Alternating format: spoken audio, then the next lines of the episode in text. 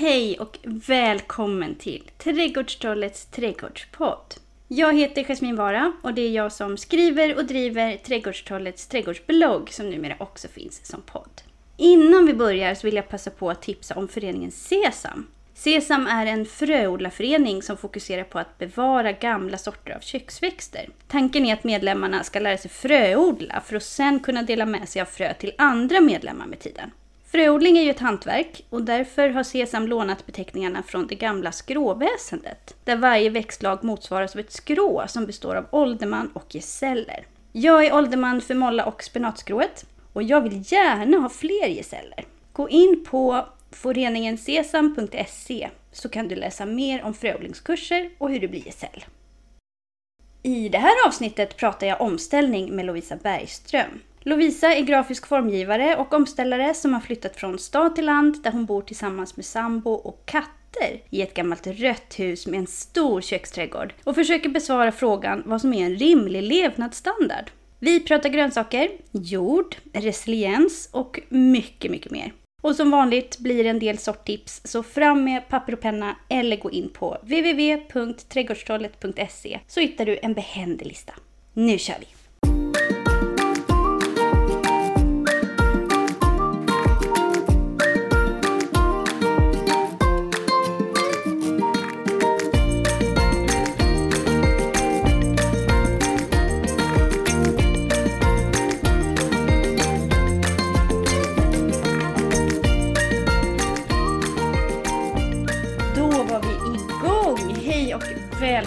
Välkommen. Nyår har kommit och gått. Nyårslöftena har stått som spön i backen och många har snabbt börjat träna lite extra och sen lika snabbt slutat när vardagen gjort sig påmind. Men idag är det helg och jag sitter här och myser lite extra i mitt hemmakontor för idag ska jag äntligen få prata om något som ligger mig lite extra varmt om hjärtat, nämligen omställning. Och det är med ingen mindre än Lovisa Bergström. Hej Lovisa! Hej! Var befinner du dig någonstans? I vilken zon bor du? Ja, eh, jag befinner mig i Ryda som är en liten, liten, liten by i Kinda kommun i södra Östergötland och här befinner vi oss sedan sommaren 2020. Och ja, men superpartisk som man är så tycker jag att det är världens vackraste plats och enligt zon, zonkartan, den här lilla som man hittar i diverse tidningar, så står det att det är zon 3. Men jag tycker nog ändå att det beter sig mer som zon 2 för vi har liksom väldigt gynnsamt mikroklimat här. Jag har odlat i zon 2 tidigare och tycker det beter sig ungefär likadant. För eh, ja, men vi har en tomt som den ligger liksom i en sluttning som gör att ja, men dels här markfrosten den bara rinner av ja, men i kanten av en liten dal omringad av lite skog som ger lä och utsikt över beteshagar och eh, sjön Åsunden. Och den jämnar ju ut klimatet så att det blir väldigt behagligt. Väldigt stor biologisk mångfald har vi här. Det är mycket olika sorters träd och buskar och fåglar och fjärilar och allt möjligt. Så är det fint. Men på somrarna så har vi så här kor och får i hagarna så Mm, är det riktigt idylliskt. Ja, och det är så himla tydliga årstider här. Det är verkligen så här jättemycket vinter och jättemycket sommar. Så, Ja, men det gillar vi. ja. Hur är själva gården då? Själva tomten där du... Hur ser den ut? ja, men den heter ju Backagården för att den ligger ju i en backe så att det är verkligen slänt överallt. Ja, men man har fått tänka till lite där, det är nästan så terrassodlingsvarning. Liksom. Nej, inte riktigt, men man märker när man ska ta kort att ska man eh, försöka få horisonten rak eller allt, är det byggt skevt? Nej, det är bara att allt ligger i en sluttning. Så det är en gammal eh, 1800-talsgård som är liksom runtflyttad och avstyckad och sånt där. Så vi bor i själva boningshuset och har en tomt på 2000 kvadrat ungefär. Men den är ju en del av en gårdsbild liksom. Så vi har ju, det ser ju ut som en bondgård, men det är inte det så att säga. Ja, men det är ju ändå bra förutsättningar. Ja, Och, men det är det. alltså, jag tänker de som inte vet vem du är. Hur kommer det sig att jag har valt just dig för att prata om omställning, tror du? För du har ju omställning som återkommande ämne på ditt konto och du har gästat omställningsnätverkets Instagramkonto. Du är jätteduktig på storytelling, alltså på att beskriva din omställningsresa i sociala medier, i bild och sådär. Men nu är det här en podd, det här är ju ljud. Så för de som inte vet vem du är och som inte har följt dig tidigare i sociala medier, hur skulle du liksom beskriva dig själv och hela din omställningsresa?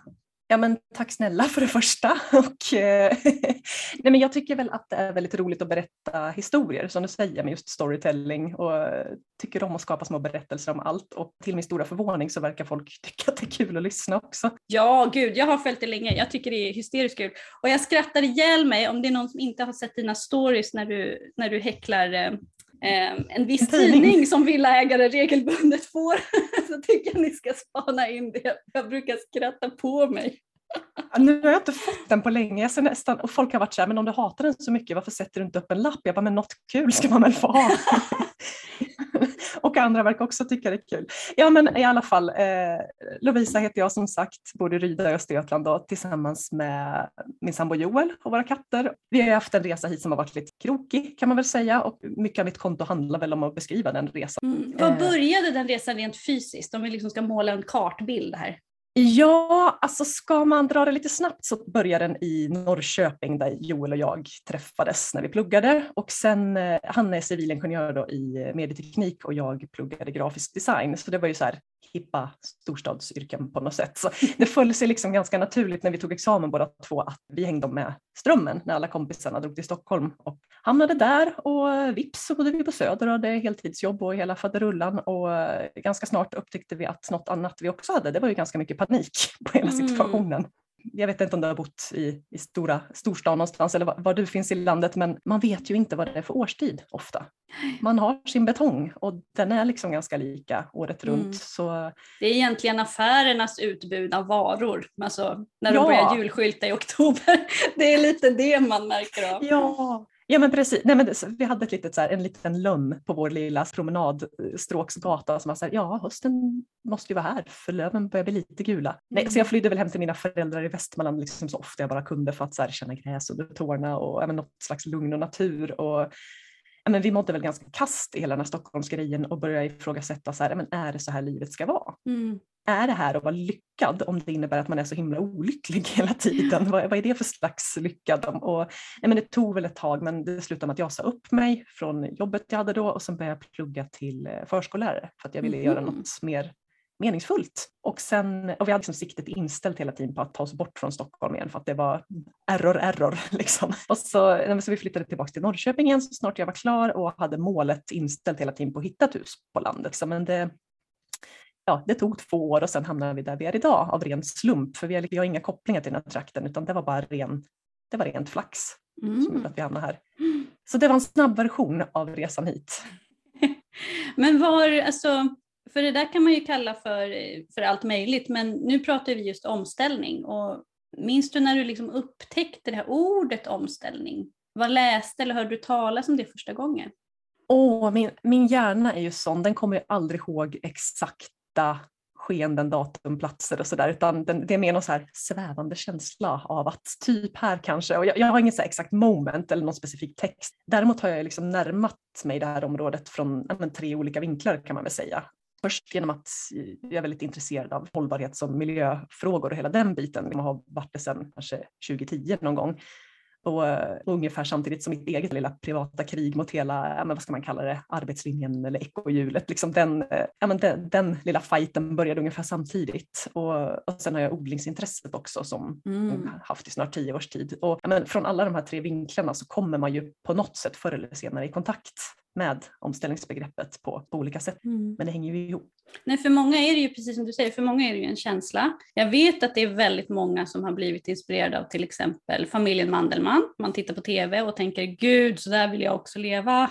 Kontrasten blir liksom så, så stor till det här kontorsvardagen där man själv harvar på. Och sen finns det ju andra som kanske går in i väggen, alltså man har inget mm. val utan det blir tvär, totalt tvärnit och sen vägen tillbaka är på något sätt att, att klösa sig fast i det som får en att må bra, till exempel odling, mm. och då mm. sås ett litet mentalt frö till att man kanske kan leva på något annat sätt. Men det är skillnad ja, på att, att, bara flytta ut på landet och bo där och att ställa om. Hur mm. skulle du enkelt försöka beskriva det för någon som aldrig ens har hört ordet förut? Oj, eh, först obs, disclaimer. Jag är den representant för omställningsnätverket, känner jag att jag vill få ner ett, ja, men det finns ju en sån grupp fantastiska människor som, som är mer formellt engagerade i det här. Vi kommer länka till dem också om det är någon som vill ja, läsa mer om dem. fina människor som gör mm. fantastiska saker. Men jag vill bara så, här, så att inte folk får för sig att jag är något språkrör för, för just omställningsnätverket. Det är ju en organisation i sig och sen finns det bara omställningen som en ja, men, vad ska man säga, folkrörelse, sätt att leva typ. Och ja, men, så här, säkert har de stadgar och regler för vad som är omställning och vad som inte är det. Men så här, jag har som sagt inga formella kopplingar dit just nu mer än att jag lever på ett sätt som på många sätt kanske är omställt. Och eh, därför blev jag inbjuden till att gästposta på deras Instagram bland annat. Och, ja, men, så här, bara för att förtydliga att mina ord är mina och inte deras så det inte blir något knas. Nej men så här, generellt, vad är omställning? Jag är väl lite så här, vad ska man säga, kärringen mot strömmen som gör saker på mitt eget, eget lilla sätt, försöker undvika etiketter och grejer. Men med det sagt, vill man ha en supersnabb hisspitch, verkligen supersnabb, mellan våning ett och två, så har jag ett motto som jag lever lite efter som väl kanske är ganska omställt, som är Collapse now, avoid the rush.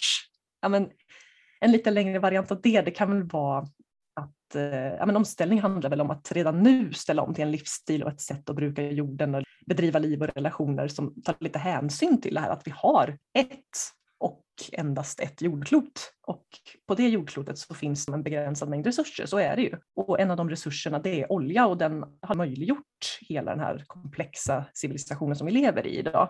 Och grejen är att den oljan den kommer en vacker dag inte att vara tillgänglig längre och vi behöver redan nu hitta sätt att leva på så vi kan ha goda och meningsfulla liv i balans med omgivningen även efter att den här kranen sinar. Och, eh, ja, men det här skulle jag kunna prata om resten av podden men eh, det, den luckan öppnar vi inte så att säga. Men det är väl det, hitta sätt att leva redan nu som kommer vara hållbara i längden. Mm. Och då kan man ju prata både om inre och yttre omställning. Oh, alltså, ja. Jag eh, har ju en bakgrund precis som du. Jag har haft ett vanligt heltidsjobb eh, och det vet alla som, som jobbar på vanliga heltidsjobb att det är sällan heltid utan det är ofta lite mer än heltid. Särskilt om man jobbar i en bransch som har kronisk eh, brist på personal.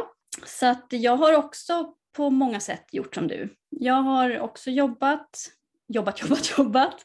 Nästan mm. bränt ut mig, inte bränt ut mig på riktigt men det var otäckt nära flera gånger. Och eh, sen i samband med den här coronapandemin då blev det akut därför att då blev ju, jag har jobbat inom trädgårdsbutik mm. och eh, alla som gillar att odla och har besökt en trädgårdsbutik under pandemin vet att det är väldigt mycket mer kunder eh, där. Alltså omsättningen har skenat. Men personalstyrkan har ju inte ökat på något sätt. Så då kände jag att nej, om jag stannar kvar här nu då kommer det, då blir det point of no return, då kommer jag bränna ut mig för evigt alltså. Det här går bara inte. Så att jag sa upp mig på landet bodde jag redan, men jag sa upp mig och jag pendlade långt innan. Och det är också ett sånt här jättebra exempel mm. på vad som kanske inte är så bra ur omställningssynpunkt. Så numera jobbar jag hemifrån, jag pendlar inte och framförallt så har jag sänkt mina levnadsomkostnader. Och det anar jag att du också har gjort. Vad jobbar du med nu? Jobbar du som förskollärare heltid eller hur ser en vardag ut för en omställare? Ja, men hur ser den ut? Jag måste bara flika in att om du är inne på gud vad det kostar pengar att tjäna pengar. Ja, gud ja. Men bara absolut. den här uh, ta sig till jobbet-grejen. Inflik två, vi hade en så här skämtkonspirationsteori jag och sambon i början av pandemin att det här är ju iscensatt av byggmarknaden och plantmarknaderna. För det var ju helt galet och vi var ju delar av det där också. Du vet. Vi åkte och köpte plankor och snickrade grejer och planterades. Och, så jag förstår att det var stressigt. Förlåt, nu svävar jag helt off topic. Va, vad var frågan? Nej, jag tänker hur ser liksom din vardag ut nu? Rent arbetsmässigt. Jobbar du heltid nu fast med någonting annat eller hur? Ja och nej. Det där är svårt att förklara för någon, eller för någon som är inne i ekorrhjulet så är svaret nej, men för någon som är lite mer inne i omställningsvärlden och kanske förstår den delen så är svaret ja. För jag jobbar ju hela tiden men jag får inte alltid lön är väl det, det korta svaret. Liksom. Så jag har en eh, tjänst, fast tjänst nu sedan årsskiftet på en förskola där jag jobbar eh, tre dagar i veckan, 60 procent.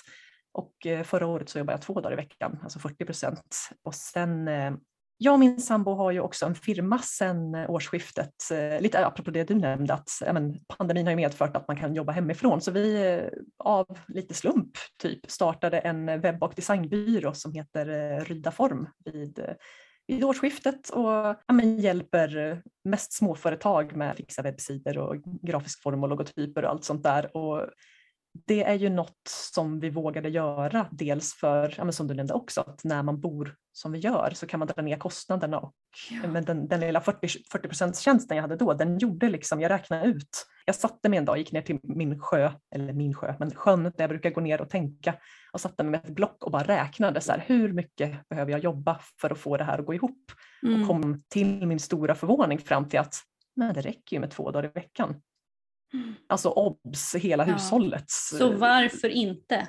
Nej, så varför inte? Och då mm. var det som att då hänger ju inte, ja men förstår du, då kan jag ju frilansa för att det är skoj. Då hänger ju inte liv och lem på det på något sätt, utan det kan liksom vara kul och lustfyllt och jag kan göra det så mycket jag vill för jag behöver inte hetsa. För jag, jag har dragit mig lite för det för att jag är inte är den här liksom säljiga personen som bara “tjena tjejen, ska du ha en logotyp?”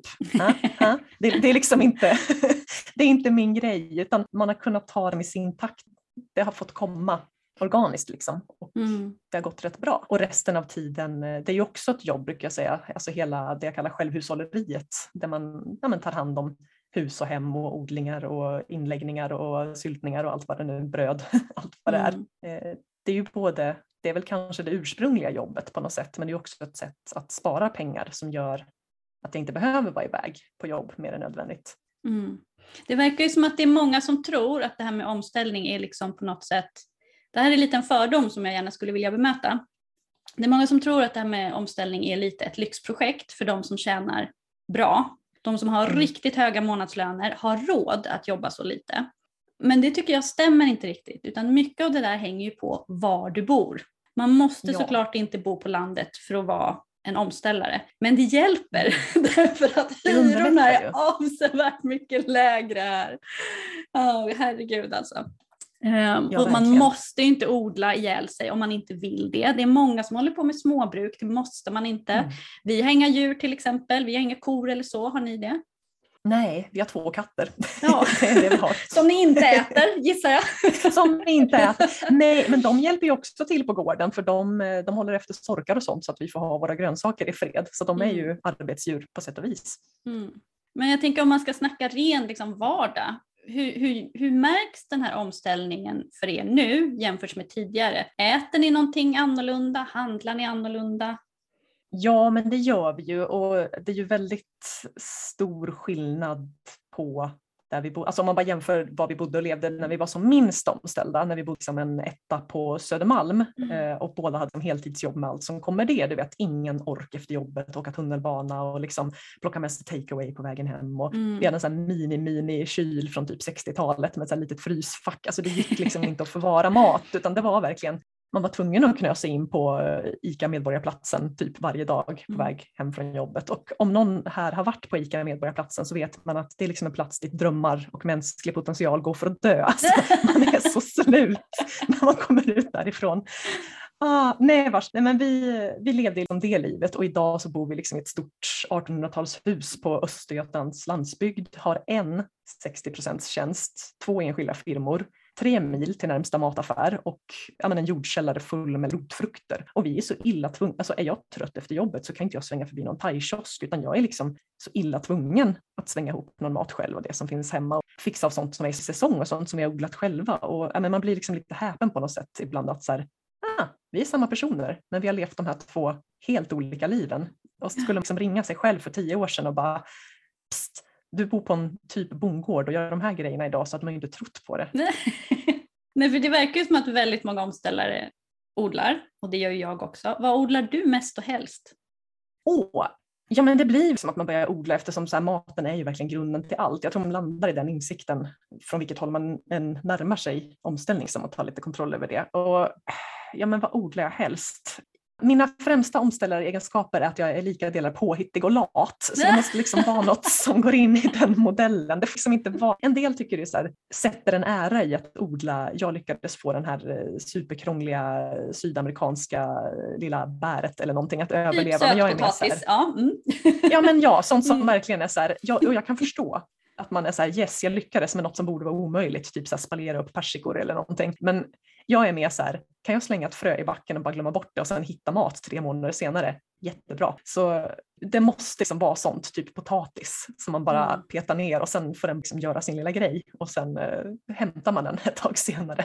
Det är lite, jag tror att det finns väl en poäng i det också för att när man är ny odlare så är det lätt att bli så här, gud jag måste ha koll på allt och göra allt perfekt och det, det blir prestation. Men jag försöker väl vara lite motvikt på något sätt, att bara så här, gör bara. Det, oftast går det typ bra.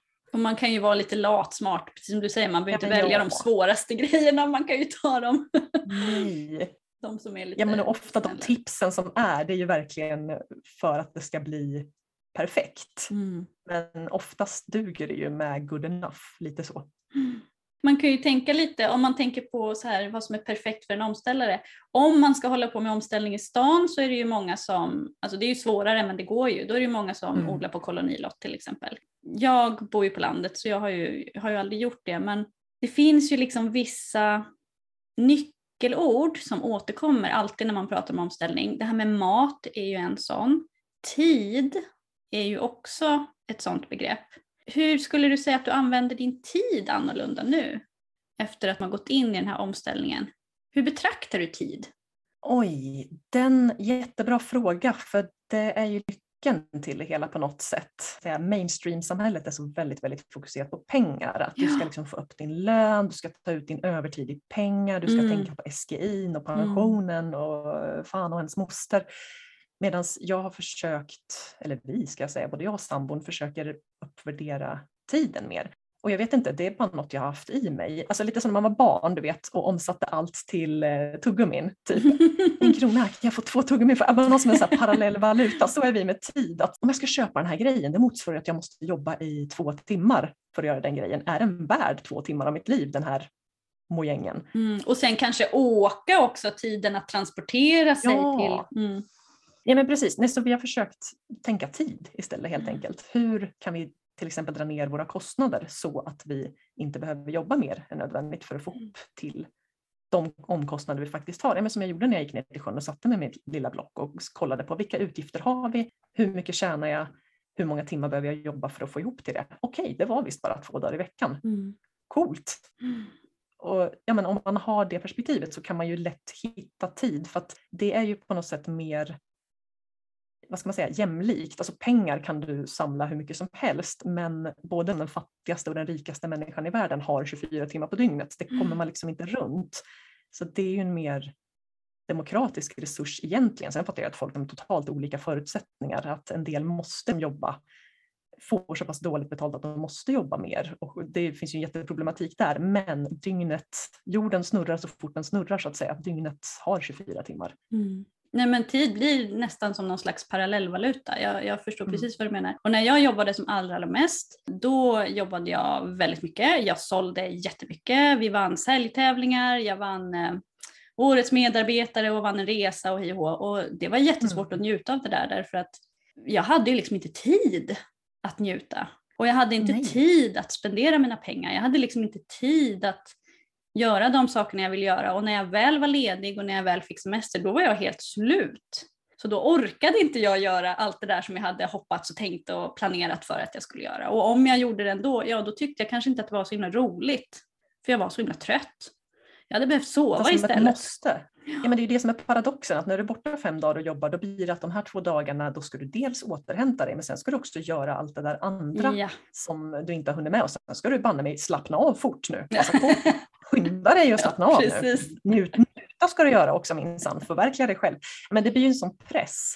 Nu har vi det lite annorlunda. Att, jag, visst, nu har jag tre dagar i veckan, vilket är mer än jag är van vid, som är uppbokade, liksom, det jag är iväg på jobb. Men det är fortfarande mindre än vad vad som är normen. Och då har jag ju en liksom, torsdag, fredag nu som jag kan antingen driva firma om jag har uppdrag eller fixa det som behöver göras och oftast i någon slags mischmasch, för det är väl det, man är så uppbunden på något sätt när man är iväg. Nu kan jag ta ett kundmöte och stoppa in en maskintvätt och klappa katten lite och gå mm. ut och fixa med någonting. Och det, är liksom, det smälter ihop och det passar mycket bättre. Och det går att göra på andra sätt. Det är väl mm kontentan av det hela. Och särskilt odling är ju någonting som man märker jättemycket när man håller på med rådgivning i butik och det kommer just människor som själva jobbar heltid och säger åh jag vill så gärna mm. odla men jag har inte så mycket tid. Vad ska jag odla för någonting? Och de har andan i halsen och det, trädgården ska designas och det ska gå jättefort men det ska samtidigt vara njutbart och de ska minsann hänga upp en hängmatta som de aldrig kommer hinna lägga sig i.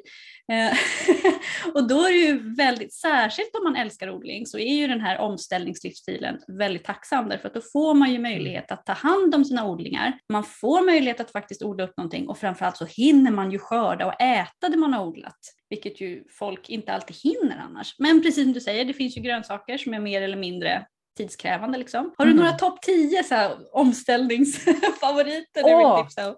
Du, det har jag. Och jag, eh, jag lyssnar på den här uh, I väntan på katastrofen-podden. Ja, uh, med Kalle Zackari Wahlström och och Patrik, och Patrik som ja, du Selman. hade på eh, för ett tag sedan. Och eh, ja, jag ska försöka hålla mig lite kortare än de herrarna. Det kan vara svårt men eh, Ska vi prata sorter eller? Ja, det här är ju ja. liksom sorternas mecka. Det tycker jag absolut. Vet du, jag kom på, du och jag har ju faktiskt bytt frön. Har vi det? Vad roligt! Jag kan, jag kan ja. bara för de som lyssnar så kan jag säga att det är inte alls ovanligt att eh, det kommer fram folk och säger så här, hej vi har ju bytt frön. Jag har bytt frön med en miljon olika människor. så vad roligt! Vad var det du fick av mig? Ja, det är det jag undrar, för jag är likadan. Jag, ibland kan jag säga oj, nu ska jag skicka fram till någon, för att jag, i perioder är jag så här, jag sagt, lantbrevbäraren måste ju tro att jag håller på med droghandel eller någonting. Det kommer så här konstiga knöliga kuvert, handskrivna grejer. Ja, men precis. Ja, men det är mycket frön som skickas fram och tillbaks. Och, nej, så jag var tvungen att gå tillbaks i vår Instagramtråd och jag hittade att du har fått bönor av mig, buskbönor i olika färger och jag har fått någon typ av tomat av dig, men jag vet inte. Kan det ha varit Mongolian Dwarf och Polar Gem kanske? kan det säkert ha varit. Absolut. Ja, för jag har fått dem av någon och det kändes som att så här, är det någon jag skulle ha fått så superspecifika tomater ifrån så, så känns det, det som att det är dig. Ja. Polar, eller vad heter det? Mongolian Dwarf var jättebra, den kommer jag odla nästa år igen i Kul, alla fall. den bara sprutar ur sig liksom. Mm. Ja, däremot känns det som att jag måste lägga något under den för sniglarna hittar de in ah, i den ah, underifrån och bara låga tomater man tackar. eh, men så den var första året faktiskt, men det är kul att testa och det är svårt när man börjar byta frön att hinna så allt man får. Ja, och det kan man ju också säga att apropå det här omställarlivet, alltså tid blir ju som en parallell valuta och frö blir ju också som oh, en parallell valuta. Alltså man inser ju ganska snabbt att man måste ju faktiskt inte hålla på att köpa frön om man inte vill. Det finns en hel mm. värld av människor som gärna byter frö. Ja, tips från båda coacherna. Ja men alltså det går verkligen att odla gratis om man vill mm. det. det. Det är inte omöjligt för den som vill. Nej, verkligen inte. Nej, men en, alltså, tomat måste man ju på något sätt ta upp. Eh, inte för att den kanske är den mest omställa, om man tänker som kalori så, men däremot är det ju något som folk äter mycket av i sin vardag, liksom både konserverade och färska och de som kanske odlas långt bort under Och som ofta är ganska dyrt i mataffären. Ja, och man äter ganska mycket av och många äter det. Så det är ju det, man ska ju odla det man äter och äter man mycket tomater så ja, men odla mycket tomater. Och jag har en sån sort som har följt mig typ sedan jag började odla som heter eh, Outdoor Girl. Mm. Eh, är det någon du har odlat också? Det är en av Åke Trudssons favoriter. Han brukar ofta lyfta ja, men jag tycker, Den är himla bra, alltså jag tycker den är väldigt så lätt att göra med och den smakar gott, det är en bonus. Liksom. Men lite så smörigt, typ nästan lite mandeltouch på den typ. Så den, ja, men den är så här klassiker. Och jag, ja, men jag gillar den väldigt mycket och ja, men det är en sån bra nybörjargrej också, tomat. Det går ju att göra det perfekt men det går också bara att, men åker man förbi en sån här trädgårdsavfallsanläggning så brukar man se att det är lite tomater som bara växer där i böset. Liksom. De vill överleva, de är ganska tuffa. Så det känns fint att ha närodlad tomat just i och med att det, det är något som äts mycket. Och det är ju också en sort som inte behöver växthus, kan vara bra att känna till för alla som Ja, lyssnar. precis. Outdoor, den är ju väldigt härdig, så den tål ju, eh, jag har odlat den utomhus både i zon 2 i Stockholm och Norrköping och sen eh, här nere då i ja, officiellt sett zon 3. Och den går bra. Funkar även i zon 4. Just saying. Funkar Ja. även i zon 4. Ja men liksom, den, den är ju härdig så att den, den ska ju liksom, och det kan ju Mm. vara bra för det är inte alla som har växthus eller sådär utan den har ju inget emot värme heller såklart. Mm. Så funkar ju lite här och var. Ja, men sen potatis är ju så given så det känns ju nästan töntigt att ta upp men eh, Connect är ju så här bra till allt. Grejen är, jag tror att det är den jag odlar för jag köpte, jag har till och med mejlat Larsviken och bara hej, har ni någon gammal så här beställningslista på vad jag kan ha beställt 2020? För jag har en jättebra potatis som jag tror är Connect men jag har tappat bort lapparna. Och de var så himla snälla och tog fram och bara, ja nej, jag har inte hittat några beställningar. Jag bara, var har jag beställt ifrån? Var det inte Larsviken? Apropå att vara lite lat och tankspridd, att det, det blir lite random odlingar. Men eh, så här, Amadin är ju supergod, Cherie är ju Mm. jättegoda. Eh, och sen fick jag faktiskt av en bekant en hel påse Sarpomira. Ja, Eh. den där superduper jätteresistent, trippelresistenta mot alla sorters bladmöglar Ja men den är, den är ju typ odödlig tydligen. Så jag provade, för annars får man ju mycket bladmögel och sånt där, men den kunde man ju bara låta ligga sa hon. Så då tänkte jag, men då låter jag den ligga fram till frosten i princip. Och sen skulle jag gräva upp den och nu syns ju inte det här på podd, men det var, nej, men det var ju som att gräva upp ett marsvins storlek. Liksom. Oj! Och grannarna kom förbi just när jag höll på och grävde och, och tittade förbi. Och, du vet, man blir som ett barn. Jag sprang till dem och bara kolla! Så den, eh, det är väl kanske inte den godaste potatisen i världen men väldigt användbar, verkar lagringsduglig och liksom resistent mot allt. Så den, eh, den sätter vi nästa år igen. Har vi tomat, vi har potatis, vad har vi mer? Ja, ja men ärtor och bönor är ju, vi äter ju vegetariskt jag och sambon så att eh, jag odlar mycket baljväxter och det har varit lite mitt tema i odlingarna under 2021 att liksom försöka få fram lokalt protein så gott det går. Och då finns det ju massa olika sorter men Blauhilde är ju en sån störbrytböna som jag tycker är himla festlig. Den är, eh, ja men den är lila och eh, Snygg. ja men väldigt så här lätt snygg, väldigt. Den är lite så här häxig liksom. Det blir väldigt mörka löv också. Den blir väldigt så här snygg och lindar sig runt portaler och störar och grejer. Och, ja, men sen är den ju liksom lättodlad och rikgivande och god. Det är ju grundkriterierna såklart. Och sen tycker jag det är så himla smidigt med lila bönor för man ser dem ju liksom när man ska Ja, plocka precis. dem. Gröna tycker jag kan smälta in och bara jaha, var den där? Oj, nu är den helt förvuxen. Oh well, den får bli frö. Men de lila syns ju verkligen Mm. den, eh, det är en favvo. Och sen eh, ja, men sockerärtor, då gillar jag en sort som heter Märta som är Mm. ljusgul med lite så blålila blommor. Väldigt snygg och så extremt mellowgod. Och eh, ja, men sen även klassikern eh, Norli, Norli, vet inte Mm. hur den... En lågväxande busk. Mm. Ja, men det är verkligen så här barndomens släpärtor som farmor och farfar brukade odla uppe på vårt torp i Dalarna och som man fick hem liksom fryspåsvis med och man, man förstår ju varför de delar med sig till, till allt och alla för att det, det blir mycket ärtor och den är jättegod. Och, eh, ja, men sen odlar vi även eh, kokbönor har jag Mm. börjat med förra året. Men lite så här, försöka sånt som är lätt att lagra, liksom, som är torrt. Så. Då har vi testat en sort som heter Mor Kristin som är Mm. lite kul för att den är en så här låg tidig buskböna som är väldigt men, god och rikgivande. Det är lite som kidneybönor kan man säga. Och dessutom så kommer den, det är en kulturarvsort härifrån Kisa-trakten så det är lite kul att äta något som kommer härifrån och är framtaget i den här regionen under de här förhållandena. Ja men ja, man vet att det funkar. Det är ju liksom pålitligt så. Ja, ja men verkligen kulturarv bokstavligen från samma kommun. Så den är kul. Och sen, eh, ja men vad mer? Rotfrukter ska man ju ha också. Och det är ju så himla smidigt mycket. Eller där kan man ju göra det svårt eller smidigt för sig. Och jag håller på och härjat med rotselleri i flera år. Bara för att inse att men jag tycker inte om rotselleri. Vad frågar jag mig själv för? Alltså, varför Masochist ja.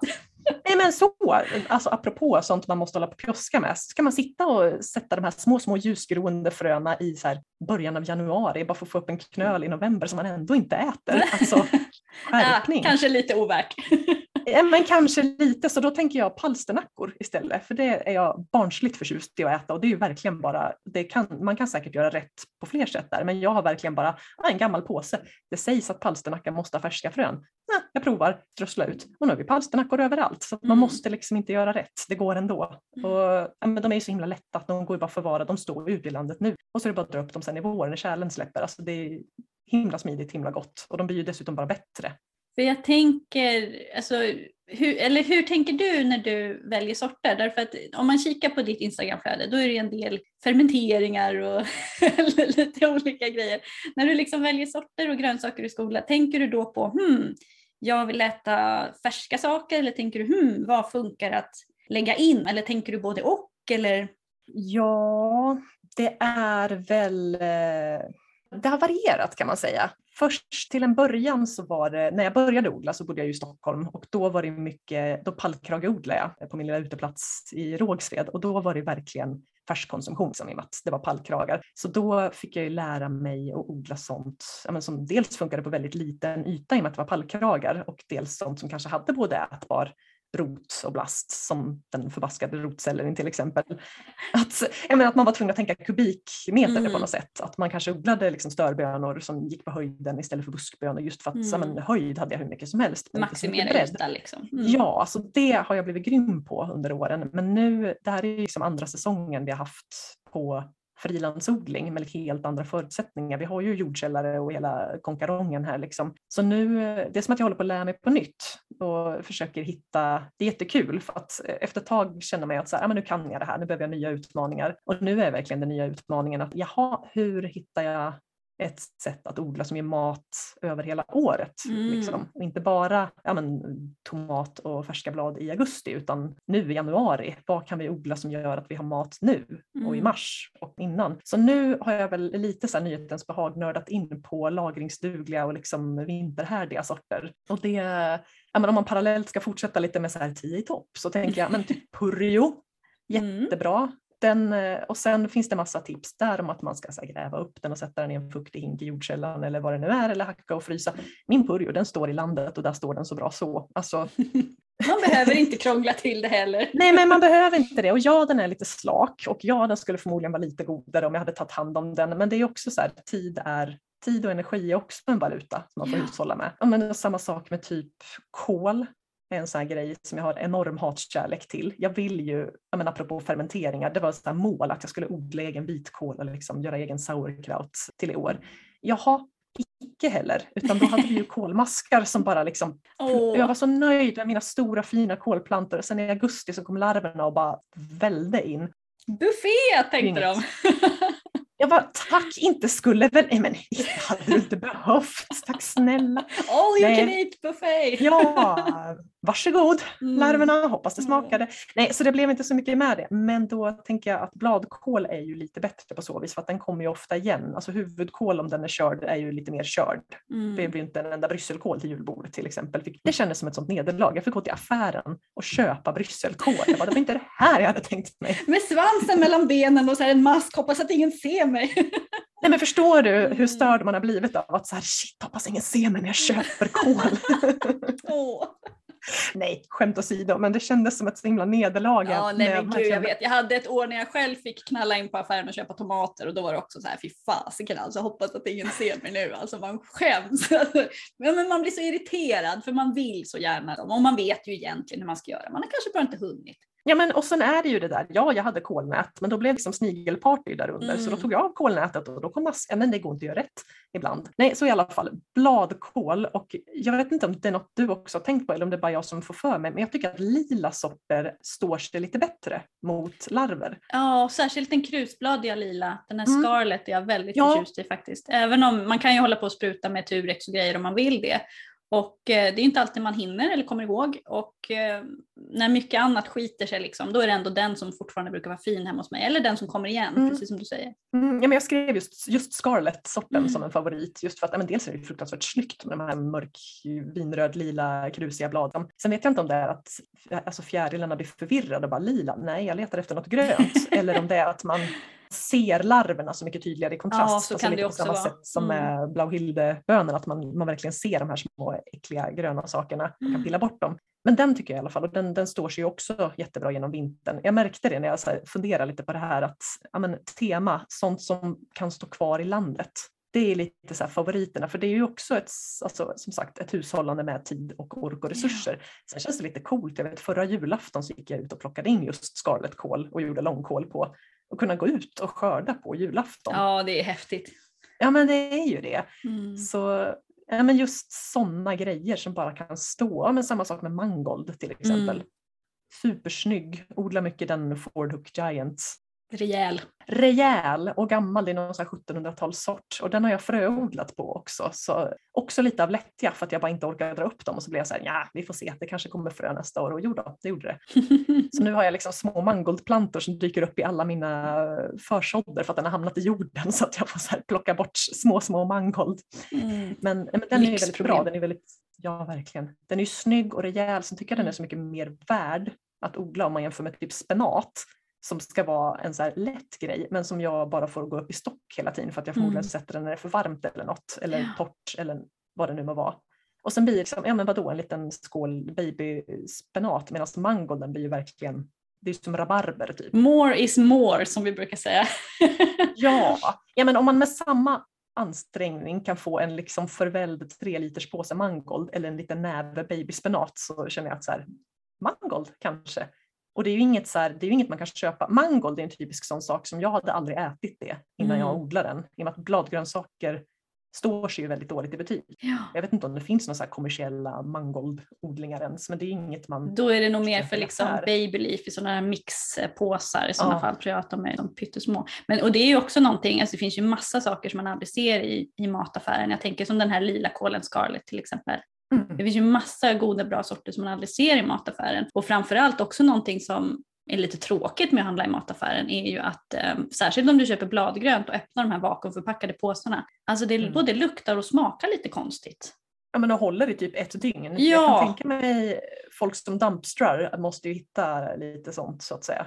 Ja, med all säkerhet och då är det säkert inte det fräschaste de hittar heller. Nej, Mm. men det står liksom inte. Och, nej men också en sån sak i mataffären att det står ju sällan sortnamn. Det står Nej. typ så här äpple Argentina. Ja, Precis, eller squash som sommarsquash, man bara jaha vilken, vilken sort är det? Men, men vad äter du Potatis nu? med För om du nu liksom har fermenterat och du har lagt in och vad är det ni äter nu så här års? Nu är det ju Ja, men mitten av nu- januari typ. Ja, nu är det, och det är det som är så ballt på något sätt, att det är ju sån extrem variation under året, men Mm. inom varje årstid kan det bli ganska enahanda lite så. Så just nu är det ju rotfruktsfest för hela slanten liksom och den stora kampen för att få i sig potatisen i princip.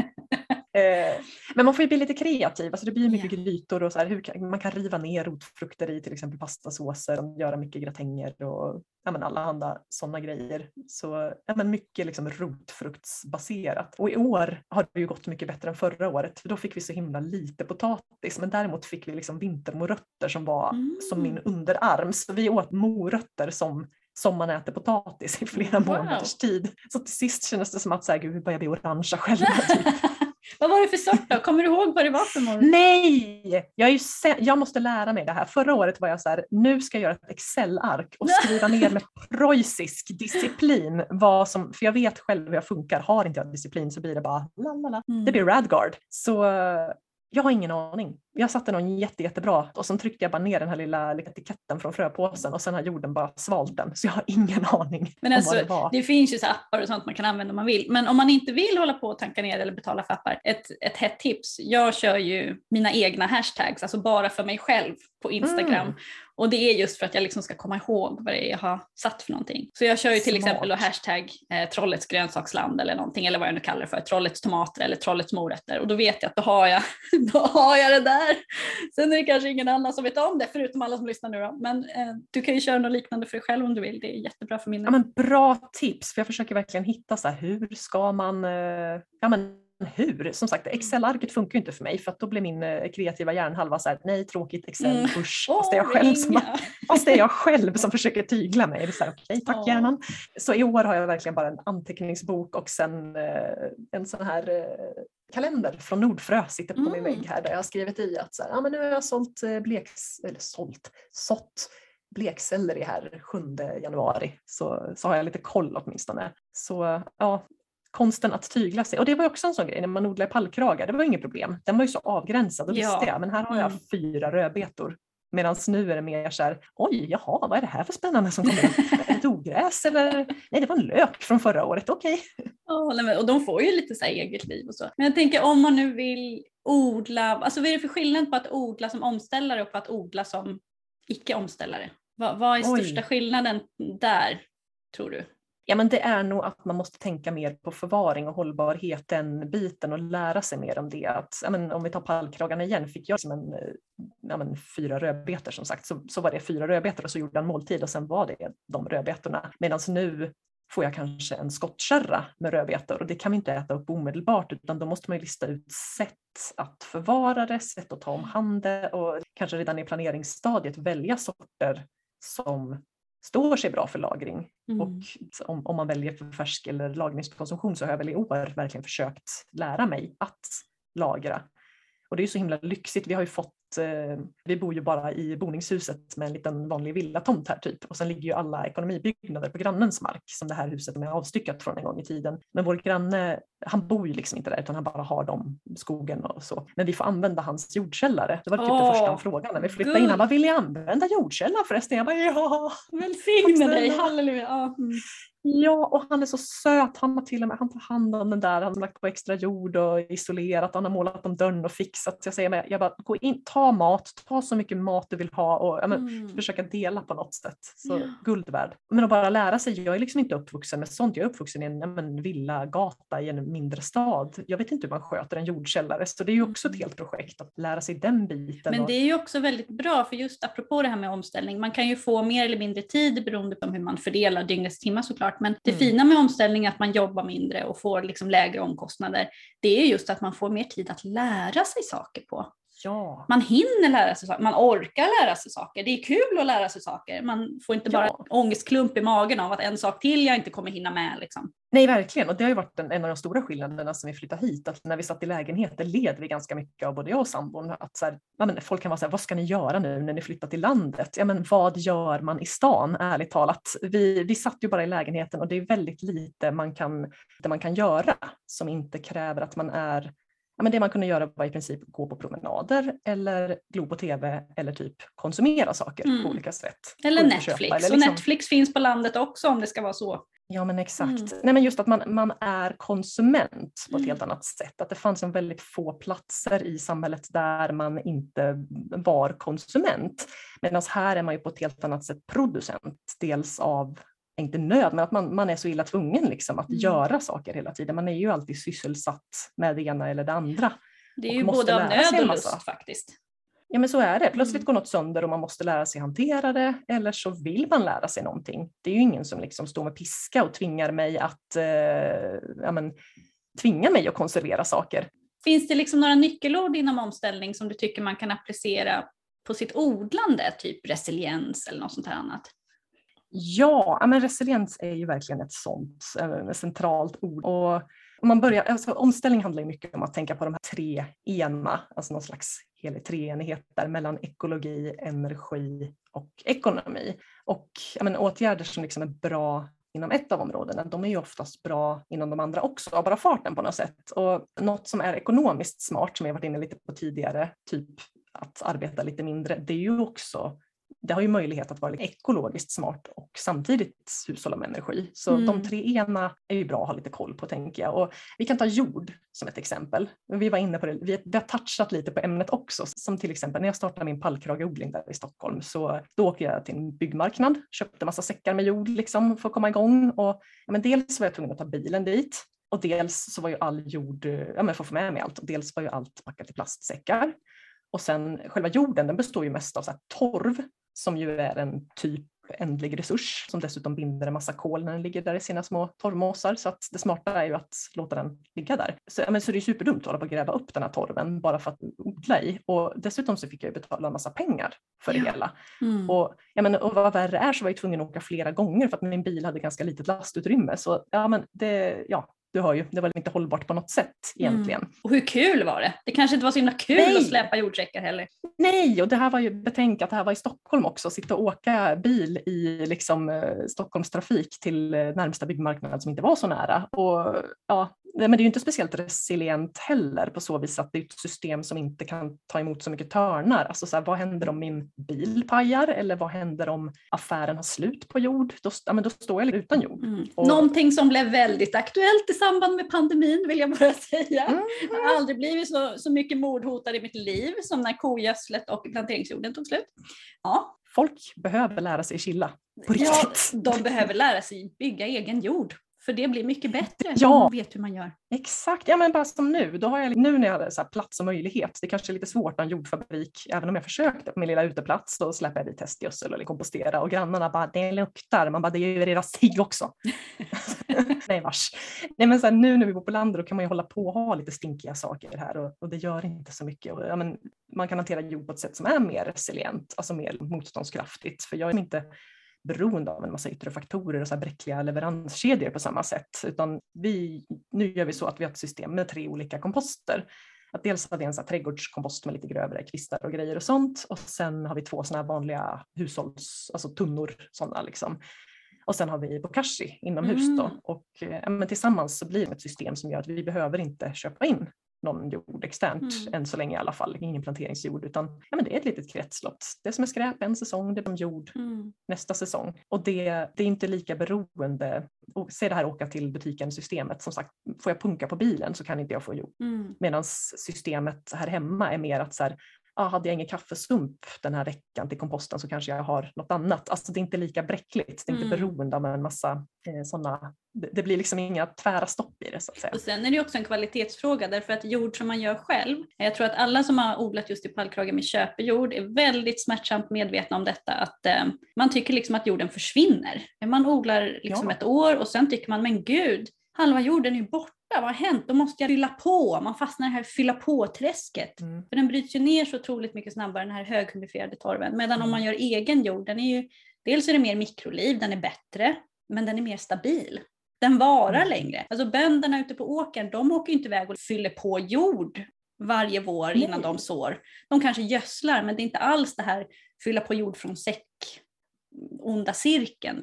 Nej, eh, men man ser inte jorden som en produkt utan mer som ett, en process på något Ja. sätt. Och, jag menar, och sen slipper man också den här eh, hårda torvkakan som Ja. kan bli när det bara blir som en Där vattnet bara rinner av från toppen. Ja. Sådär. Om, det, om det blir för torrt så är det svårt att liksom vattna upp den igen. Ja, så det blir ju, ja men dels det, det är inte bara att det blir ett mer robust system utan det blir en bättre produkt. Så det, det går ju nästan inte att jämföra. Men, och ska man tänka lite resilient bredare på odling så tänker jag att det handlar om att inte lägga alla äggen i samma korg utan försöka ha större mångfald i det Mm. hela. Men ska man se på det så är väl resiliens och effektivitet det är ju lite grann så varandras motsatser i det här. Och man kan ta som exempel en sån stor monokultur, alltså ett sånt stort fält där man bara odlar till exempel vete eller en gröda, vilken som helst. Och det är ju så superspecialiserat och jätteeffektivt Mm. på så sätt att men det finns ju liksom en hel maskinpark och ett helt system av maskineri runt Ja. det här och man har försökt ta kontroll över processen i exakt alla led. Och, men bara jämför så här, det går ju ganska snabbt att skörda en hel åker med vete med en skördetröska jämfört med om du ska gå med skära och linda skärvar av det. Men det är ju också ett väldigt bräckligt system. Ja. Och det har vi ju verkligen märkt nu på senare tid, tänker jag, med att ta man skördetröska som exempel, det är ju en jättekomplicerad maskin som har massa delar. Och vad händer om den går sönder? Liksom reservdelarna går inte att få fatt i för de sitter fast på något containerfartyg någonstans som bara cirklar i någon hamn för den får inte komma in där för att det Mm. fattas lastbilschaufförer. Ja men du vet. Eller har fastnat i någon kanal, det är väl alla som minns. Ja men står på tvären i Suez, vem vet? Vem hade kunnat ana? Ja, men eller bara en sån sak att så här, bränslepriserna går upp supermycket Ja. så att bondens vinstmarginaler bara försvinner. Och, eller för den delen, om vi har det jordbruk där vi har som är helt beroende av konstgödsel och insatsvaror och bekämpningsmedel för att fungera alls. Men att det är liksom jättebrist nu på konstgödsel för att, jag menar av många anledningar, men bland annat att gasen har varit så himla dyr som man gör konstgödsel av. Alltså det är så himla Man intrikata märker processer. i allt. Allting hänger ihop, allting hänger ihop. Och kan man då Ja. bygga sin egen lilla, sitt eget lilla kretslopp, sin egen lilla näringskedja eller vad man ska säga. Mm. Om man kan knyta sitt kretslopp nära sig, då är ju det otroligt mycket värt. Alltså otroligt mycket Oh, värt. ja. Ja men verkligen, för det är ju ja, men ett sånt system som jag beskrev med skördetröskeln och grejerna är ju inte resilient. Det krävs bara som du säger att en båt ställer sig på tvären så kommer inte skördetröskan och kommer inte skördetröskan så kommer inte vetet och så vidare. Mm. Men det blir som en lång dominoeffekt. Det krävs bara att man drar ur en av de här sprintarna så blir det tvärstopp och det är ju inte resilient på samhällsnivå. Ja, men vad skulle hända om eh, ja, inte vet jag, det uppstår ett slukhål på E4 söder om Stockholm Mm. så att inget kommer in. Ja, men det blir ju katastrof. Och det, här, ja, men det är ju inte resilient på samhällsnivå för vi har haft den här utvecklingen under ganska lång tid att de allt färre fixar ju mat till allt fler allt längre bort på något sätt. Jordbruken blir större och större och de blir mer och mer specialiserade och sen, sen är det ju allt färre som vet hur man fixar mat, var maten kommer ifrån. Mm. Sen har man kanske sett lite skillnad eller lite ändring i det på senare år, att man blivit mer poppis att göra som ja, men, flytta ut till landet som vi har gjort. Och andelen småbruk har ju ökat har jag läst någonstans. Alltså, alltså verkligen små under två hektar, sådana rekoringsjordbruk eller vad man ska säga, har ju Mm, ökat ja, på precis på senare den år. Mm. Men det har ju varit en väldigt lång utveckling innan dess där folk har flyttat in till städerna och liksom kapat banden till mat helt och hållet. Ja. Det är ju inte resilient. Nej, precis. Och jag tänker om man ska försöka föreställa sig en total motsats till omställning. Vad är det? Att bo kvar i stan, jobba häcken av sig, tjäna jättemycket Ja, pengar, inte som hinna njuta av sina pengar, bara köpa tråkiga F1-hybrider i mataffären. Mhm. Ja, men som man inte ens vet vad det är för sort. Bara, va, Finns det Ja. olika tomater? Ja men det är väl lite det. Alltså, antingen, det kan ju vara massa olika saker men nu, nu drar jag fram fördomspenseln här och målar jättebreda drag. Att det kan ju antingen vara någon som du säger som bor i en liten lägenhet i stan och lägger mycket tid och pengar på shopping och prylar och liksom reser långväga på fritiden. Kanske har en hudvårdsrutin, vad vet jag. Kanske har en snygg frisyr till skillnad från mig. Åker till Thailand två gånger om året. Åker till vidare. Ja men precis, så här, tar time takeaway, ja, men kanske inte ens vet hur man lagar mat från grunden och ja, men inte har någon riktig relation till naturen och som är helt beroende av systemet för sin grundläggande överlevnad. Men det behöver inte bara vara någon som bor i en lägenhet i stan. Du kan lika gärna bo i ett nybyggt villaområde där alla har en så här robotgräsklippare och Ja. studsmatta men ingen känner grannen och Mm. man har elbilar och man har villalarm men man är liksom lite förbaskat beroende av att den här eh, matkassen kommer hemlevererad Mm. för att du har lite tid och ork och ens ta dig till affären typ. Och du har ingen backup om det skulle bli en tillfällig eller långvarig störning. Och på sätt och vis låter det som att jag pratar om så här hemberedskap eller prepping i det här. Fast det Men är ju lite alltså, det. Det finns ju inslag av det tycker jag ändå. ja, jag tycker prepping det är ju typ bara omställning som har bråttom. Jättebra sammanfattning. ja. Det, men är det inte det? Det är bara omställning med tidspress. Mm. och se till att man har de här grejerna hemma. För i idealfallet kanske du har en egen brunn, men om du inte har en egen brunn så kanske du har dunkar i källaren med vatten om någon skulle gräva av ett rör även in i stan. Alltså det hände oss när vi flyttade till Norrköping typ två gånger första året att så här, Mm. oj, någon har grävt av ett vattenrör. Så det behöver ju inte vara att så här, aliens kommer eller liksom Mm. att ryssen står på Södermalm. Det behöver inte vara det, utan det kan ju bara vara att Stadskontoret har råkat gräva av ett rör. Mm. Och det kan vara nog så illa. Alltså, Ja. ju... Men verkligen. Så ja, det, det hänger ihop tänker jag. ja, och jag tänker det här med resiliens också kan ju också vara då att man till exempel som odlare, om man vill försöka sig på ett, ett liksom mer resilient odlande, att man odlar, man odlar inte bara en tomat, man odlar flera olika sorters tomater. Man odlar inte Ja, en sorts exakt. böna, man odlar flera sorters bönor och framförallt någonting som jag tycker är jätteintressant är ju det här med frö. Alltså jag brinner ju för frö och jag brinner för fröodling. Man måste inte hålla på och odla sitt eget frö om man inte vill, men jag tycker att grundläggande intresse, att man i alla fall vet hur man fröodlar. Sen behöver man inte vara expert på något sätt, men att man provar att fröodla någonting, att man har någon slags fröbackup. För det är ju också någonting som jag tycker är djupt oroväckande med den här de svenska så kallade beredskapen. Man har ju inte ens räknat med från myndigheternas sida att, att alltså frö är ju en insatsvara som vi måste ha Ja. för att vårt jordbruk ska fungera.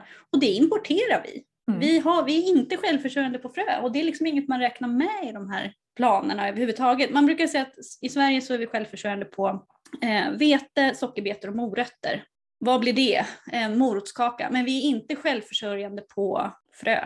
Så är vi då ens Nej. självförsörjande på Nej. vete, sockerbetor och morötter om vi inte har frö så att vi kan odla det? Ja, och sen är vi ju heller inte självförsörjande på diesel till Nej. skördetröskorna eller traktorerna eller Vi är på av. NPK-gödsel eller eh, Roundup eller vad man nu häller för skit på det. Men eh, nu- skulle vi inte prata skit om Man, Monsanto man kan får, få man får dista Roundup, Ja, det är helt okej. Ja, det är inte ens riktigt lagligt är- längre. Det, Det finns också andra vidriga bekämpningsmedel kan vi Ja, i public service-anda slänga in.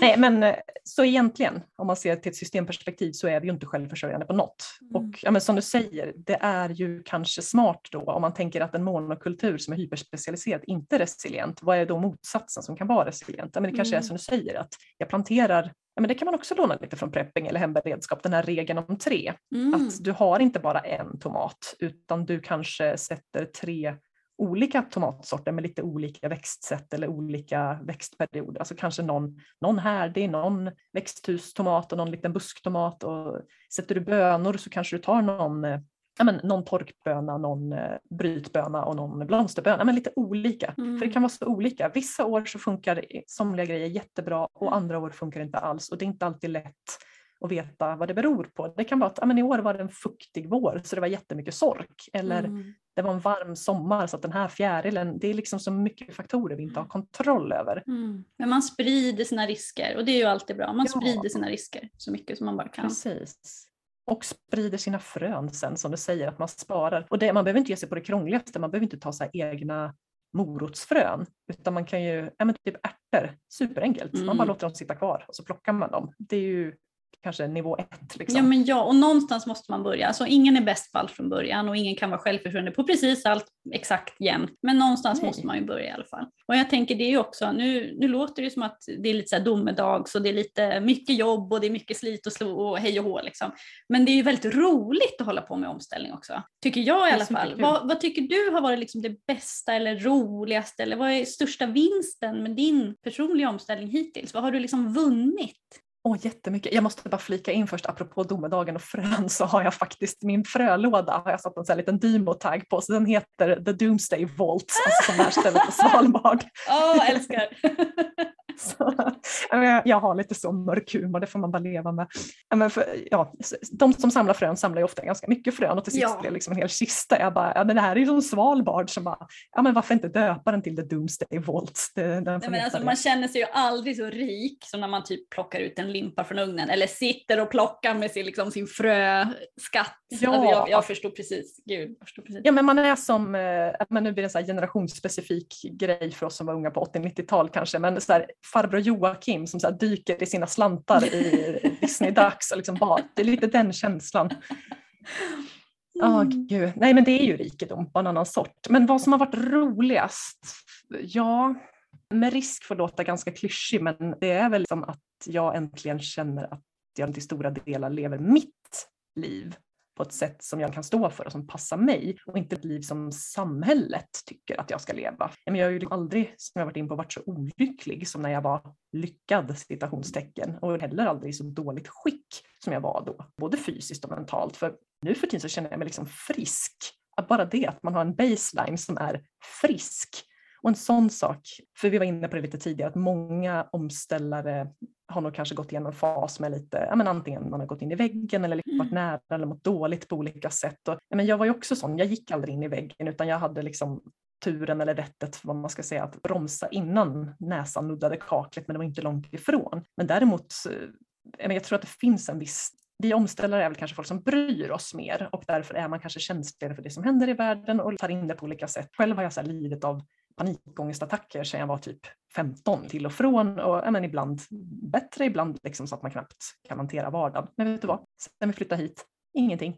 Oj, det är liksom, det är helt borta. Alltså, nej, men det är så himla skönt. Och, ja, men så här, ja visst, det, det är jätteskumt att man kan bli fri från det, bara av att leva så här. Men jag tror många kan, och man har så olika förutsättningar såklart, men jag tror att alla kan väl kanske ta något litet steg i en riktning som gör att man kan leva sitt liv mm. snarare än det för, ja, men jag såg eh, Alicia som kör omställningskontot just nu skrev något så himla bra om inre omställning, att det här med arbetslinjen, de, eh, vad skrev hon? Men att ekorrhjulet är en gyllene bur på något ja. sätt. Jag tyckte det var så bra beskrivning. Att ja, det är lyxigt men det är också en bur. Men om man väl börjar rucka på den här dörren till buren så kommer man nog kanske upptäcka att den var ju inte låst. Den bara gav intrycket av det. Mm. Det går liksom att göra på andra sätt. Ja.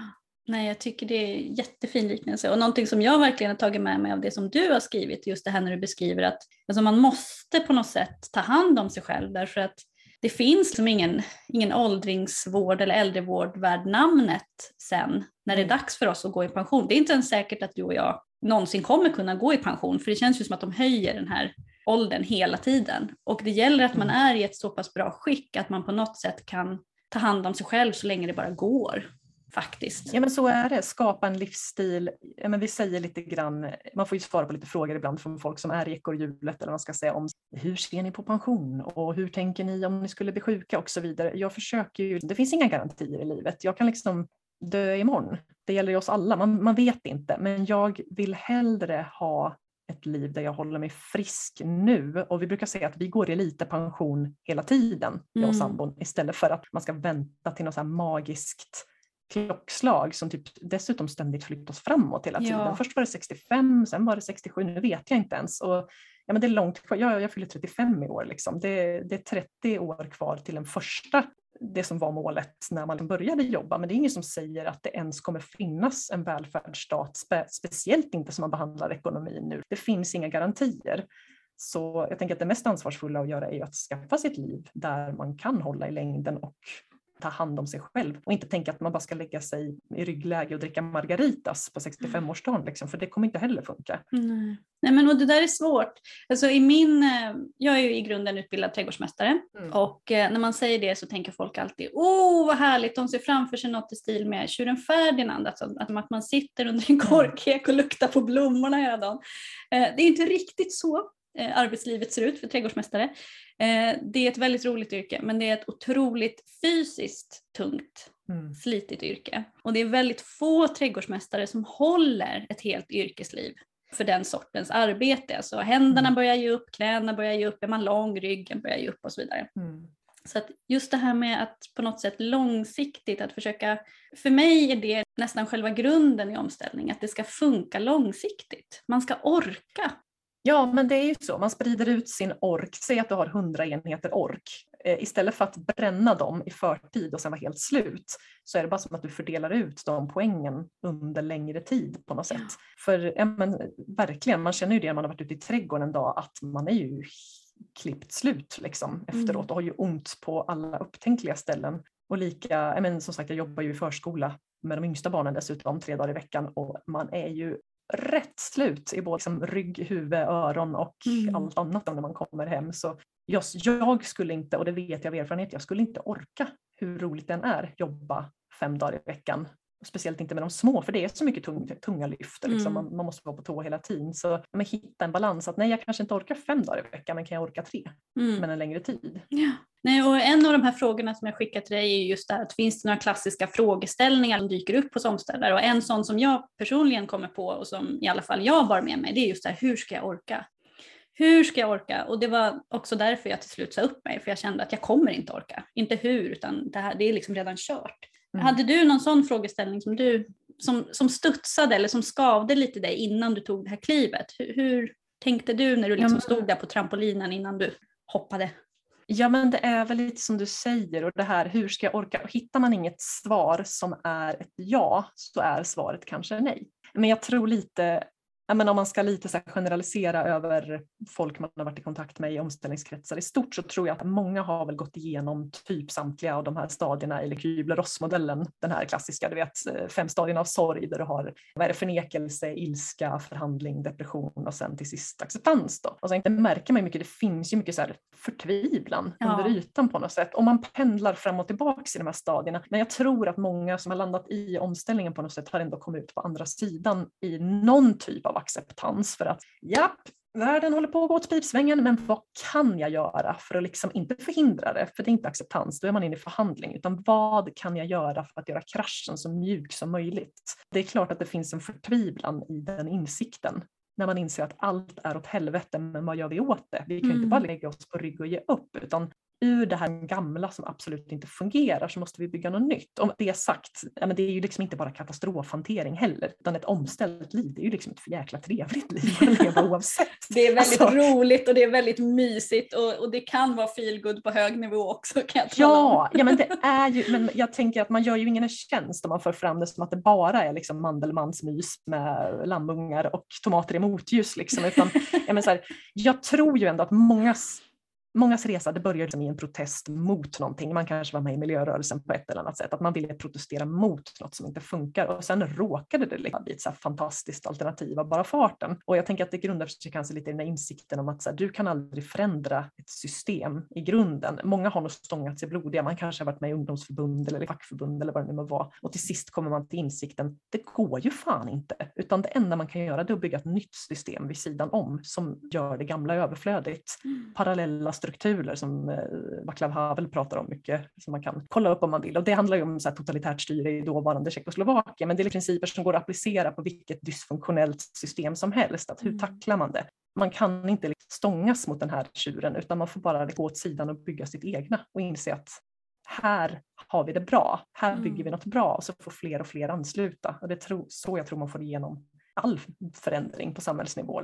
Ja, och även på individnivå. Alltså någonstans måste man mm. börja, då får man börja med sig själv. Och att, alltså att bli utbränd är väl dålig beredskap om något, så att om man lyckas rädda sig själv från det. Man kan ju också se det som att man besparar Försäkringskassan en massa arbete och utgifter om man vill vara sån.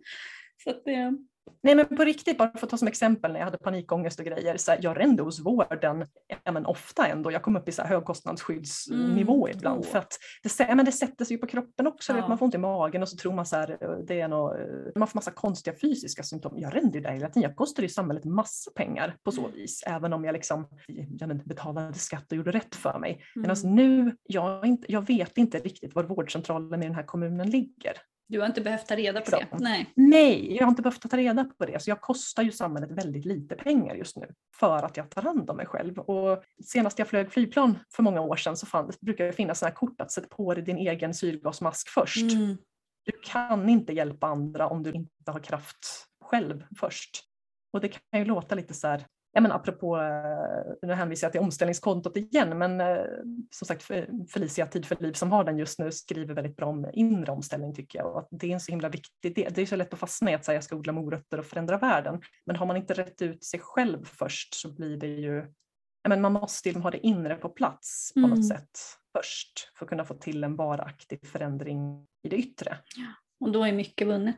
Ja men det är ju det. Det kan ju låta lite men, individualistiskt navelskådande, att rädda dig själv först och det kanske är det sista världen behöver nu som det kan se ut. Men att går vi till oss själva och verkligen reder ut så här, hur vill vi leva för att må bra? För det tror jag är en fråga som många skaver hos många. Så här, mm. Är det så här livet ska vara? Och om man verkligen går till botten med sig själv och vågar stirra in i det på något sätt. Så, men så tror jag att många, inte alla, för det är klart vi vill olika saker, men jag tror många kommer komma fram till ett svar som är något i stil med så här, typ vi vill leva ett liv närmare naturen i meningsfulla gemenskaper med varandra som präglas av tillit och ömsesidighet, där man har tid för varandra ja. och där vi känner ett ansvar för varandra men också platsen vi lever på och mm. vårdar. Och där har vi väl omställningen på något sätt. Mm. Ja, det är på något sätt kärnan, är det verkligen. Ja.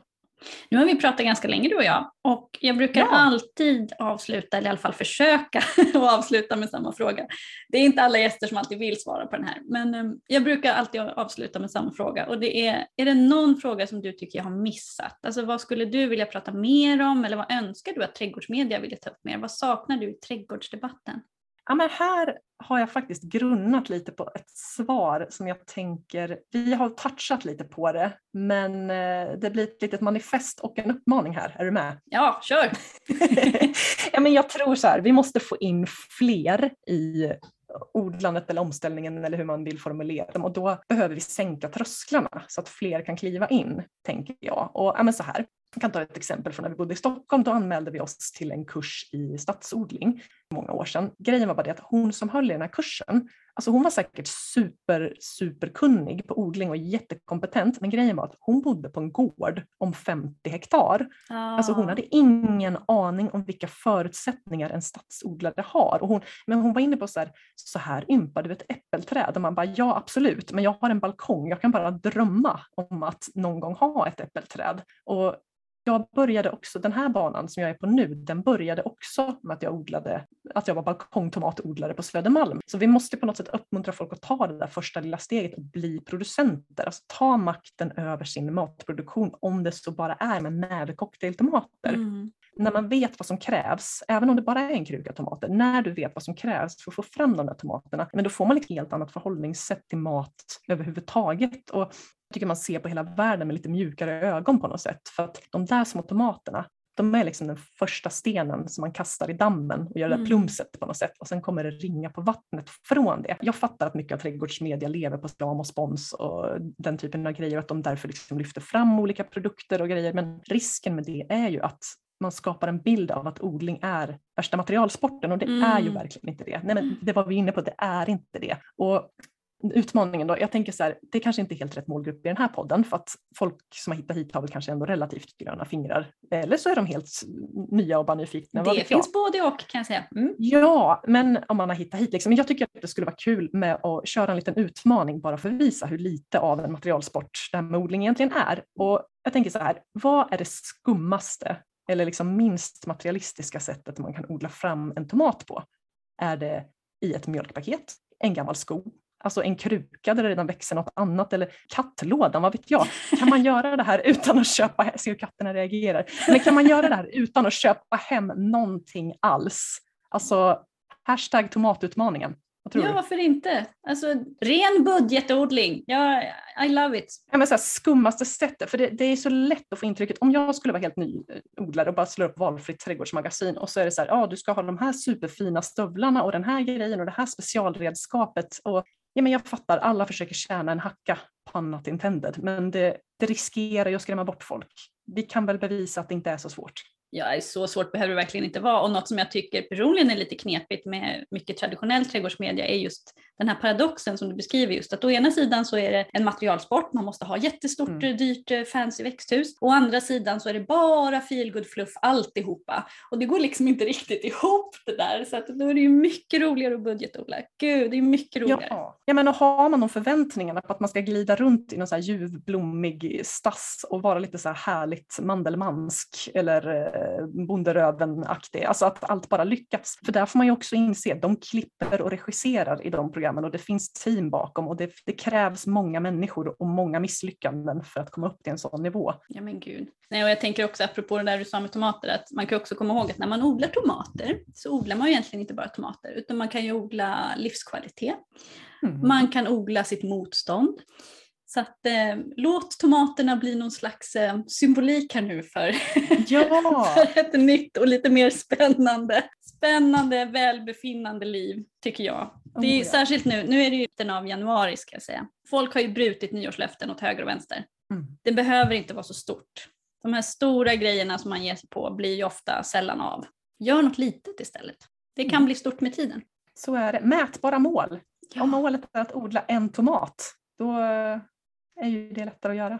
Ja men ja, verkligen. Det är ju också en övning, alltså det blir lite så zen-buddhistiskt nästan, att det är en övning att släppa taget, för det Mm. går inte att ha kontroll. Naturen kommer att göra saker, vad vi än tycker att den ska göra, så kommer det hända en massa grejer. Och att lära sig förhålla sig till det är ju också, en tomatplanta kan vara en väldigt billig psykolog. Åh, underbart.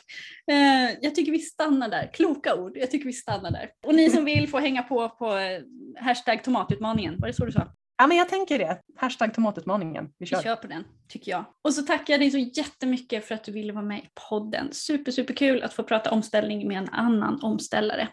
Så önskar jag dig ett jättetrevligt och bra och härligt odlingsår. Må vädrets makter stå dig bi.